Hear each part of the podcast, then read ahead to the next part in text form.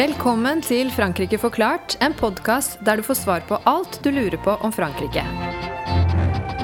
Mitt navn er Kjersti Naukrust. Og jeg heter Frank Urban. I dag er temaet det tyske-franske parets fremtid i EU.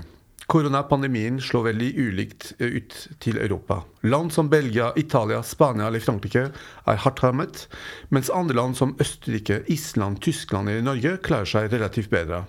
Krisen avdekket både EUs manglende evne til å koordinere medlemslandenes kamp mot viruset, og EU-landenes vilje til å samarbeide seg imellom, i alle fall i en tidlig fase. Hva vil dette bety på lengre sikt for det tyske-franske samarbeidet, som ofte omtales som EUs motor? Med oss for å snakke om dette har vi Kate Hansen-Boot. Kate Hansen Bundt er generalsekretær for Den norske atlanterhavskomiteen. Hun har studert statsvitenskap ved Universitetet i Oslo og jobbet en tid ved Norsk utenrikspolitisk institutt. Hun er spesialist på tysk inn- og utenrikspolitikk. Velkommen. Takk for det.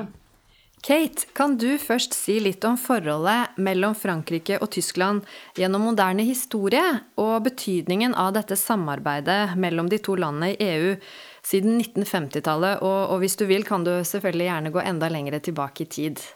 Ja, de fleste forbinder jo den tysk-franske motor med kjernen i EU. Men man kan jo allerede starte i 843, da Karl den stores rike ble delt i det østfrankiske og det vestfrankiske riket. Men la oss hoppe frem til 1800-tallet, da Otto von Bismarck samlet de tyske fyrstedømmene med Prøysen til den første nasjonalstaten eh, Tyskland. Det andre tyske riket i 1871 én. Det forrykket allerede maktbalansen i Europa mellom stormaktene i det europeiske eh, systemet. Og han gjorde jo dette etter en krig mot Frankrike i 1871. Eh, og så sier man med Thomas Mann at Tyskland ble da for stort til å passe inn i Europa uten å utfordre de andre statenes sikkerhetsinteresser, men for lite til å dominere Europa ved å bli en hegemon. Dette skapte forrykkinger i maktbalansen, og så fikk man en industrialisering og en økonomisk vekst i Tyskland som styrket Tyskland. og etter etter Otto von Bismarck, som var liksom balansekunstneren i europeisk diplomati, så kommer keiser Wilhelm eh, og eh, har nasjonale ambisjoner om en plass i solen. Vi får første eh, verdenskrig, vi får en ganske rocky mellomkrigsperiode, og så får vi annen verdenskrig. 8. mai 1945 står Tyskland moralsk ribbet og ruinert fysisk tilbake på den europeiske eh, slagplassen. Og hvordan skal man reintegrere Tyskland i det europeiske systemet, er det store spørsmålet man stiller seg, både i USA, som jo har hatt ti millioner soldater i Europa de siste 30 årene for å kjempe mot et Tyskland som har utfordret maktbalansen, og det spør man seg ikke minst i Storbritannia og Frankrike, som hadde lidd sterkt under annen verdenskrig. Men også i Tyskland med den nye kansler Konrad Adenauer, eh, som tenker at han må få Tyskland tilbake i det gode internasjonale selskap, bygge opp igjen landet sitt, så kommer hele integrasjonsprosessen både i EU og etter hvert ved at Tyskland eh, gjenopprustes som Nato-medlem med en amerikansk sikkerhetsgaranti, så veves Tyskland inn i multilaterale strukturer. Derfor er det fransk-tyske forholdet så enormt viktig. Fordi det er Frankrike som griper eh, det ruinerte Tysklands politiske ledelse i hånden og bygger den europeiske kull- og stålunionen, som blir da EEC og etter hvert EU. For å gi et lite fransk perspektiv eh, til tysk historie. Eh, Frankrikes mål gjennom historien har jo alltid vært å hindre tysk forening. Og det var man veldig effektiv med. Vestfallenfreden f.eks. var jo et mesterstykke av fransk og svensk diplomati som utsatte tysk forening, den aller første foreningen, med i hvert fall 250 år. Den prøyssiske franske krigen i 1871 var jo det motsatte. Det var jo Eh, en katastrofe for Frankrike. Eh, Frankrike tapte krigen mot Prøysen. Fransk gull ble brukt til uh, tysk forening. Uh, og ikke minst, dette var den siste krigen som Frankrike utkjempet mot Tyskland alene på kontinentet. Fra da av så måtte Frankrike søke allierte for å kunne vinne en krig mot, Tysk, mot Tyskland. Hvis man ser på de Gaulle eh, etter andre verdenskrig, og de, de opprinnelige planene til de Gaulle var jo en oppsplitting av Tyskland, etter det berømte utsagnet om at man er så glad i Tyskland at man gjerne vil ha flere. Hvis vi eh, kommer da tilbake til eh, situasjonen i dag, som Frank nevnte innledningsvis, så snakker man jo ofte da om den tysk-franske motoren, tysk-franske par, eller til og med aksen, tysk-franske aksen i EU. Hva, kan du fortelle lytterne hva, hva er denne motorens funksjon og legitimitet aktivitet i EU i dag? Ja, jeg tror den har blitt endret ettersom EU har blitt utvidet. For man har fått inn nye aktører som ikke nødvendigvis godtar en tysk-fransk dominanse internt i EU. Men historisk, eh, og gjennom 60-70-tallet, inntil murens fall, eh, så var jo dette et partnerskap mellom jevnbyrdige eh, stater, omtrent samme folketall, altså Vest-Tyskland og Frankrike. Men de har drevet integrasjonsprosessen. Da må jeg få lov å si at for Tyskland så er EU viktigere enn for noe annet land i Europa. Pga. historien så kan ikke Tyskland opptre alene internasjonalt. De må opptre sammen med andre i institusjoner som gir dem mandat til å utføre spesielt utenrikspolitiske og forsvarspolitiske handlinger. Derfor er det så veldig viktig for dem å samarbeide med Frankrike, fordi de ofte har hatt gjennomslagskraft. Fordi Frankrike på mange måter har vært en leder, kanskje man kan si det sånn, for et Sør-Europa som etter hvert ble inkludert i EU utover på 80-tallet. Eh, og Tyskland har på en måte spilt en sånn rolle i forhold til eh, øst etter eh, murens fall. Men så hadde man en balanse mellom hva man kalte den franske bombe, force de Frankrike er atomvåpenmakt, og den tyske D-mark, tyskerne var den økonomisk sterkeste. Og det gjorde på en måte at de også kontrollerte hverandre og kunne bli enige om en god del reformer i EU-regi, som gjorde at man fikk en tettere integrasjon og en fordypet integrasjon i EU. Så var det ikke slik også at eh, De to landene står veldig ofte for veldig ulike posisjoner. Du har på en måte den franske klanen, og så har du den tyske klanen. og For å komme til et slags likevekt i EU når det gjelder uh, samtlige land, så må du ha et tysk-fransk kompromiss. og Sånn har det virket fra og med 50-tallet. Dvs. Si at uh, Tyskland tok et skritt, Frankrike tok et skritt, og så ble man enige om en løsning som kunne godtas av alle. og Det var jo nettopp de to landenes evne til å inngå kompromisser som gjaldt alle sammen, som, som, skapte en positiv dynamikk, ikke sant? Nettopp. Og det er jo dette som blir så forferdelig viktig når Berlinmuren faller. Og vi husker kanskje høsten 1989, hvor både Thatcher og daværende franske president Francois Mitterrand var litt skeptiske til dette store Tyskland. Husk, som du sa, de ønsket seg to av dem. Var helt komfortable med to av dem. Men nå var muligheten for at 16 millioner østtyskere skulle tilslutte seg Vest-Tyskland, og man ville plutselig få en stat midt i hjertet av Europa, eh, som befolkningsmessig var 20 millioner for mange i forhold til de to andre stormaktene, og ikke minst eh, Frankrike, som økonomisk ville ha et kjempepotensial, og som politisk ville ha et Øst- og Sentral-Europa som naturlig ville søke til dem for politiske løsninger. Det eh, Helmut Kohl og Mitterrand Jeg ser dem for meg, den lille, eh, forfinede franskmannen og den store øldrikkende, litt klumpete tyske kansleren ta hverandre i hånden, og de fremforhandler det som til slutt blir Maastricht-traktaten. Ved at tyskerne går med på å gi fra seg det eneste de har av egentlig et nasjonalt symbol, og også sterk, eh, et sterkt verktøy for politisk innflytelse. Sin D-mark, sin nasjonale valuta, kollektiviserer den og går med på et program for at det skal bli en felleseuropeisk mynt, euroen. Og Frankrike går med på gjenforeningen uten å sette mer eh, kjepper i hjulene for den. Før koronakrisen brøt ut tidlig i mars, så var den tyske-franske debatten den handlet hovedsakelig om sikkerhetsdimensjonen. Eh, og vi husker eh, president Macrons utspill fra november eh, i fjor om at Natos tilstand kunne, kunne beskrives som hjernedød. Utspillet, altså Macrons utspill skapte ubehag mellom Paris og Berlin. Og det er jo nettopp det ubehaget som er litt spennende å se på.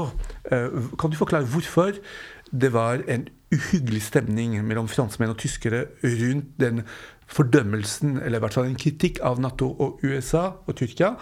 Uh, og kan du si litt om dynamikken mellom Paris, Berlin og Washington? Ja, Tyskland har vel alltid sagt at de ønsker et europeisk forsvar og en europeisk sikkerhetspolitikk. Eh, har forhandlet frem forskjellige eh, løsninger på det med Frankrike, men faller alltid ned på den transatlantiske siden når de må beslutte seg. Vedta endelig. Og det har vi sett gjennom 60-tallet, Élysée-traktaten, hvor de Gaulle ble kjempesur fordi Brit eller tyskerne til slutt uh, kom med masse forbehold. Forse-planen. Vi har sett i forhold til etter Maastricht også at det på en måte man holder tilbake. Det er eh, gode grunner til det. Eh, man skal ikke glemme at eh, USA var på en måte det frie, demokratiske Tysklands jordmor før eh, eh, hele det liberale verdensorden, den som ble skapt etter annen verdenskrig, som vi jo var innom, som EU og Nato er en del av, var garantert av eh, USA. For Tyskland så ble dette eh, helt fenomenalt. Eh, de trengte ikke å betale for egen sikkerhet, de kunne bygge opp sin velferdsstat, og de outsourca sitt forsvar og sikkerhetspolitikk til USA. Eh, og de følte seg helt bekvemme under artikkel 5. Amerikanske atomvåpen ville til slutt garantere for tysk sikkerhet. Dette skapte grobunn for et økonomisk mirakel i Tyskland gjennom etterkrigsperioden, ved at du fikk dette frihandelssystemet som også USA garanterte. Eh, og det skapte igjen et stabilt demokrati i Tyskland. Hvis vi sammenligner Frankrike og Tyskland, så kan vi telle hvor mange statsministre, presidenter og kanslere de forskjellige har hatt. Tyskland har hatt et veldig stabilt politisk system. Nettopp garantert av velferdsgoder og økonomisk vekst. Og her Dette spiller inn i sikkerhetspolitikken. Fordi for Frankrike ønsker å endre status quo. Tyskland er en status quo-makt, kanskje den eneste som er igjen i verden. Trump vil endre den liberale verdensorden. Xi Jinping vil ha større innflytelse for Kina. Putin er revisjonist på vegne av Russland.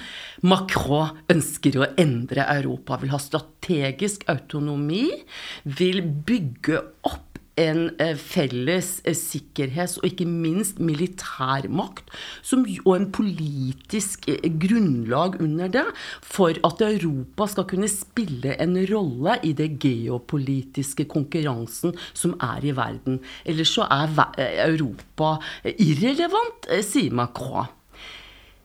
Jeg tror kanskje man ser dette i Berlin også, men man er veldig tilbakeholden med å springe fra den amerikanske vennen, selv om han for lengst har gitt Merkel en slapp på hånden.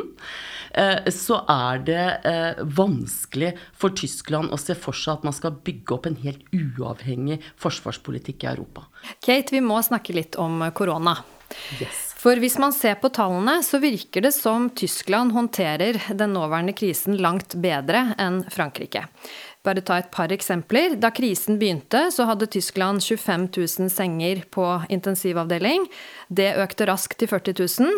Frankrike hadde på sin side 5000 senger i begynnelsen, som økte til 10 000.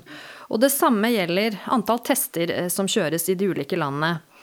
Hvorfor ble eller blir helsekrisen håndtert så mye bedre på tysk enn på fransk side, tror du?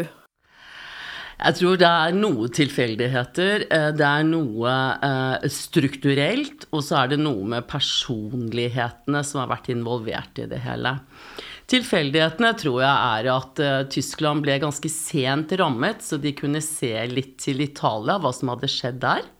Og for det andre så skjedde det samme i Tyskland som i Norge, at de fleste smittede kom fra skiferier i Østerrike og Nord-Italia, og de var rundt 40 år gamle, de fleste av de som ble smittet innledningsvis, mens i Frankrike så var de 2-63 år. Det har noe med dødeligheten å gjøre. Eh, så er det selvsagt det rent strukturelle. Eh, Tyskland har et utmerket helsesystem. Eh, de er en føderalstat.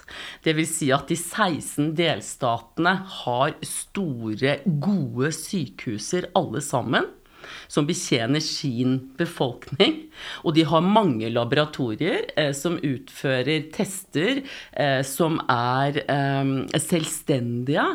Eh, og så startet også Tyskland å teste veldig tidlig. De testet veldig mange, for de hadde stor kapasitet eh, på eh, testing. Så kan man jo også si at de landene som har klart seg best, er jo også de med en veldig solid økonomi. Eh, som kunne sette inn støtet så fort som mulig. Både når det gjelder å uh, imøtegå helseproblemene, men også de problemene som kommer til å følge på det økonomiske og næringslivspolitiske området. Tyskland altså, vedtok veldig kjapt en eh, krisepakke til sitt næringsliv eh, som er nesten like stor som det norske oljefondet. I hvert fall like stort nå når vi begynner å tappe det såpass som vi gjør nå. 750 eh, milliarder euro bare i løpet av en natt. Og dette er landet som har insistert på schwarze null, den sorte null, budsjettbalansen. Siste er personlighet. Jeg tror altså Merkel hun har blitt sett på av, våre, av, oss analytikere som en lame duck etter at hun sa at uh, dette var hennes siste periode. Hun stiller ikke til valg igjen i 2021. Hun har hele tiden hatt veldig god oppslutning i befolkningen. I denne krisen så viste hun seg som den vitenskapskvinnen og den prestedatteren hun er, var det en som sa. Hun viste empati som prestedatter, omsorg, solidaritet. Men hun viste seg også som en vitenskapskvinne med doktorgrad i, i komplisert kjemi, eh, som en som så nøye, nøktern på resultatene og formidlet dette helt ærlig til befolkningen. Vi trenger bare ta en tur over Atlanteren for å se en statsleder som ikke gjør det. I Frankrike så tror jeg Macron snakker i litt mer pompøse, litt mer arrogante, litt mer tilbakelente toner. Og han har prøvd seg på litt forskjellige roller. Litt sånn statsleder, litt sånn buddy innimellom. Men allikevel så faller han ned som veldig fjern fra folk. Han har ikke den tilliten, tror jeg, i befolkningen som Merkel har. Den krisen viser også etter hvert at uh, det gamle skillet mellom uh, Nord-Europa og Vest-Europa uh, og Sør-Europa fortsatt fins. Du ser det i forbindelse med finansiering av gjenoppbyggingen av landet. Og i den, den, oversikten som man finner i dag, så ser man at tyskerne har de sterkeste, sterkeste kortene. Og det skillet mellom nord og sør uh, vil vedvare, vil kanskje øke omfang. Uh, og viljen til å hjelpe hverandre, dvs. Si det som er grunnlaget for hele EU-samarbeidet, kan bli svekket av koronakrisen. Hvordan ser du på, på, på, på, utviklingen, på det skillet mellom nord og sør, og på Tysklands rolle som lim i uh, EU-samarbeidet? Ja, det kan jo uh, trekke uh, i to retninger. Uh, jeg tenker at de siste tiårets tre kriser som Europa har vært oppi. Startet med finanskrise, eurokrise for tolv år siden.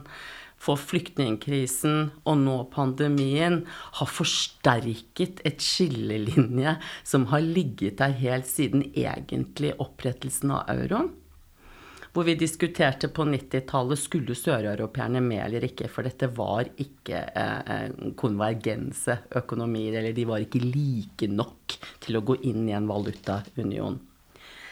Eh, og denne pandemien forsterker det skillet som ble skapt mellom nord og sør, fordi sør ble rammet sterkest av eurokrisen, også av flyktningkrisen og nå av pandemien. Eh, og for øvrig så er jo disse også de som blir rammet av gjenåpningen, altså turistøkonomiene i sør, som kanskje ikke får turister eh, eh, til å besøke seg denne sommeren. Så er det Tysklands rolle. Hittil så er det som har skjedd, vært bilateralt og nasjonalt i EU, stort sett så har man diskusjonen om de økonomiske hjelpepakkene. Ja, fordi Helsepolitikken er ikke en del av EU? Det er ikke en del av EUs kompetanse. De har ikke myndighet, altså Kommisjonen har ikke myndighet over helsepolitikken. Så det hjelper ikke å skylde på EU her, for det her er det statene som må trekke i samme eh, retning. Og innledningsvis så hadde man jo konkurranse om masker og medisiner og hjelpeutstyr osv. osv. Og, så og det var de nasjonale regjeringene regjeringene eh, som måtte eh, ivareta egne eh, hensyn og utvikle en politikk for sitt land. Og EU hjalp til med også å suspendere dette med at man ikke kan gi hjelp til, eller statsstøtte til eget næringsliv osv. osv. Og så er det bilateral hjelp som har vært inne. Tyskland har tatt imot mange pasienter. De har flydd dem inn. Bundeswehr har flydd inn pasienter fra Italia og Frankrike fordi Tyskland har hatt en kjempekapasitet av respiratorer. 40 000 respiratorer klarte de å stable på beina etter 14 dager. Og de har hjulpet til ganske mye når det gjelder hjelpeutstyr i pandemien. Men det er bilateralt, det er ikke EU som har organisert dette. Så kan man si så har man hatt uh, hele den diskusjonen om koronabonds eller ikke. Hva slags type økonomisk bistand skal man klare å få til gjennom eurosonen og gjennom EU-systemet? Eh, nesten speilbilde av den diskusjonen man hadde under finans- og eurokrisen tidligere. Hvor søreuropeerne har ønsket å få til en gjensidig gjeldsgaranti, altså en kollektivisering av gjeldsansvaret i EU, eh, e i eurosonen. Og der er det, for da vil man få lånt penger til lavere rente. Og de rike landene i nord, Tyskland, Nederland og eh, ja, Finland, eh, vil da eh, kunne garantere for den gjelden søreuropeerne må ta opp. Dette ønsker ikke Nord-Europa. Tyskland er fortsatt ikke med på det. Under eurokrisen sa Merkel Nicht in mein Leben. Ikke i mitt liv. Ingen kollektivisering av gjeld. Så det andre man har jo diskutert og kommet frem til, er et svært krisefond. Det er det Tyskland ønsker å biffe opp med mer penger. Og de er også villige til å betale mer i det krisefondet, som skal hjelpe hvor man kan ta opp lån. Man er ikke enige om dette skal være lån eller bidrag eh, som ikke skal tilbakebetales til de trengende landene. Men dette ble et svært krisefond. Så det tredje man ønsker å gjøre, som Tyskland har gått inn for, er å omdisponere en del av midlene i EUs langtidsbudsjett. For det skal man diskutere nå. Det er det budsjettet EU skal leve av fra 2021 til 2022. 27, eh, og at man setter av en god del penger her. Eh, tar vekk fra landbruk og regionalfond om til støtte for de som har vært rammet mest av pandemien. Så har man fått på plass også en type europeisk arbeidsledighetstrygd. 100 milliarder euro, det er ikke småtteri, som skal gå til de som nå lider eh, og har mistet jobbene sine. Og så har Tyskland også eh, introdusert sin, eh, syste, sitt system med såkalt korttidspermittering deltidsarbeid. At man skal dele på de arbeidsplassene som er, ved at statene kan gå inn og subsidiere arbeidsgiverne, og at arbeidstakere kan få opprettholdt sin stilling. Noe man gjorde i Tyskland under den store omstillingen på begynnelsen av 2000-tallet. På slutten av hver episode så ber vi vår gjest om å komme med en liten fransk anbefaling. Det kan i og for seg være hva som helst. Kate, hva er din anbefaling til våre lyttere? Ja, nå har jeg hørt på denne podkasten, og det er mye gode bøker og filmer som har blitt anbefalt. Jeg anbefaler en Bordeaux-vin, en Talbot. Jeg hadde en fantastisk opplevelse for et tiår tilbake med en gammel Talbot som ble hentet opp støvfull i hagen på Sicilian Hoff utenfor Berlin, i Potsdam. Tusen takk for det, Kate. Eh, Frank, har du også en liten Nei, anbefaling? Nå ble jeg misunnelig. Nå ble jeg veldig misunnelig. Jeg har ikke noe så godt, men, uh, men den podkasten handler om politikk og kultur, og wienerkultur. Eh, jo, jeg valgte et kort arbeidsnotat skrevet av Paul Maurice, Maurice forsker ved Komiteen for studier og tysk-franske relasjoner, SERFA, i Paris. Notatet er utgitt i april med følgende tittel 'Koronavirus, la solidarité franco-allemande à l'épreuve'. Koronavirus, fransk-tysk solidaritet på spill. Det er utgitt av IFRI, altså Institut Français des Relations Internationales, og adressen finner vi selvsagt på vår Facebook-side. Da gjenstår det bare å takke vår gjest, Kate Hansen Bundt. Så høres vi igjen i neste episode av Frankrike forklart. Au revoir! Denne podkasten er et samarbeid mellom Universitetet i Oslo og Høgskolen i Østfold. Abonner på Frankrike forklart på iTunes, Spotify eller på andre plattformer der du lytter til podkast. Har du kommentarer til oss eller forslag til temaer vi bør ta opp, kan du sende inn det via vår Facebook-side Frankrike forklart. Her vil du også finne informasjon om dagens episode.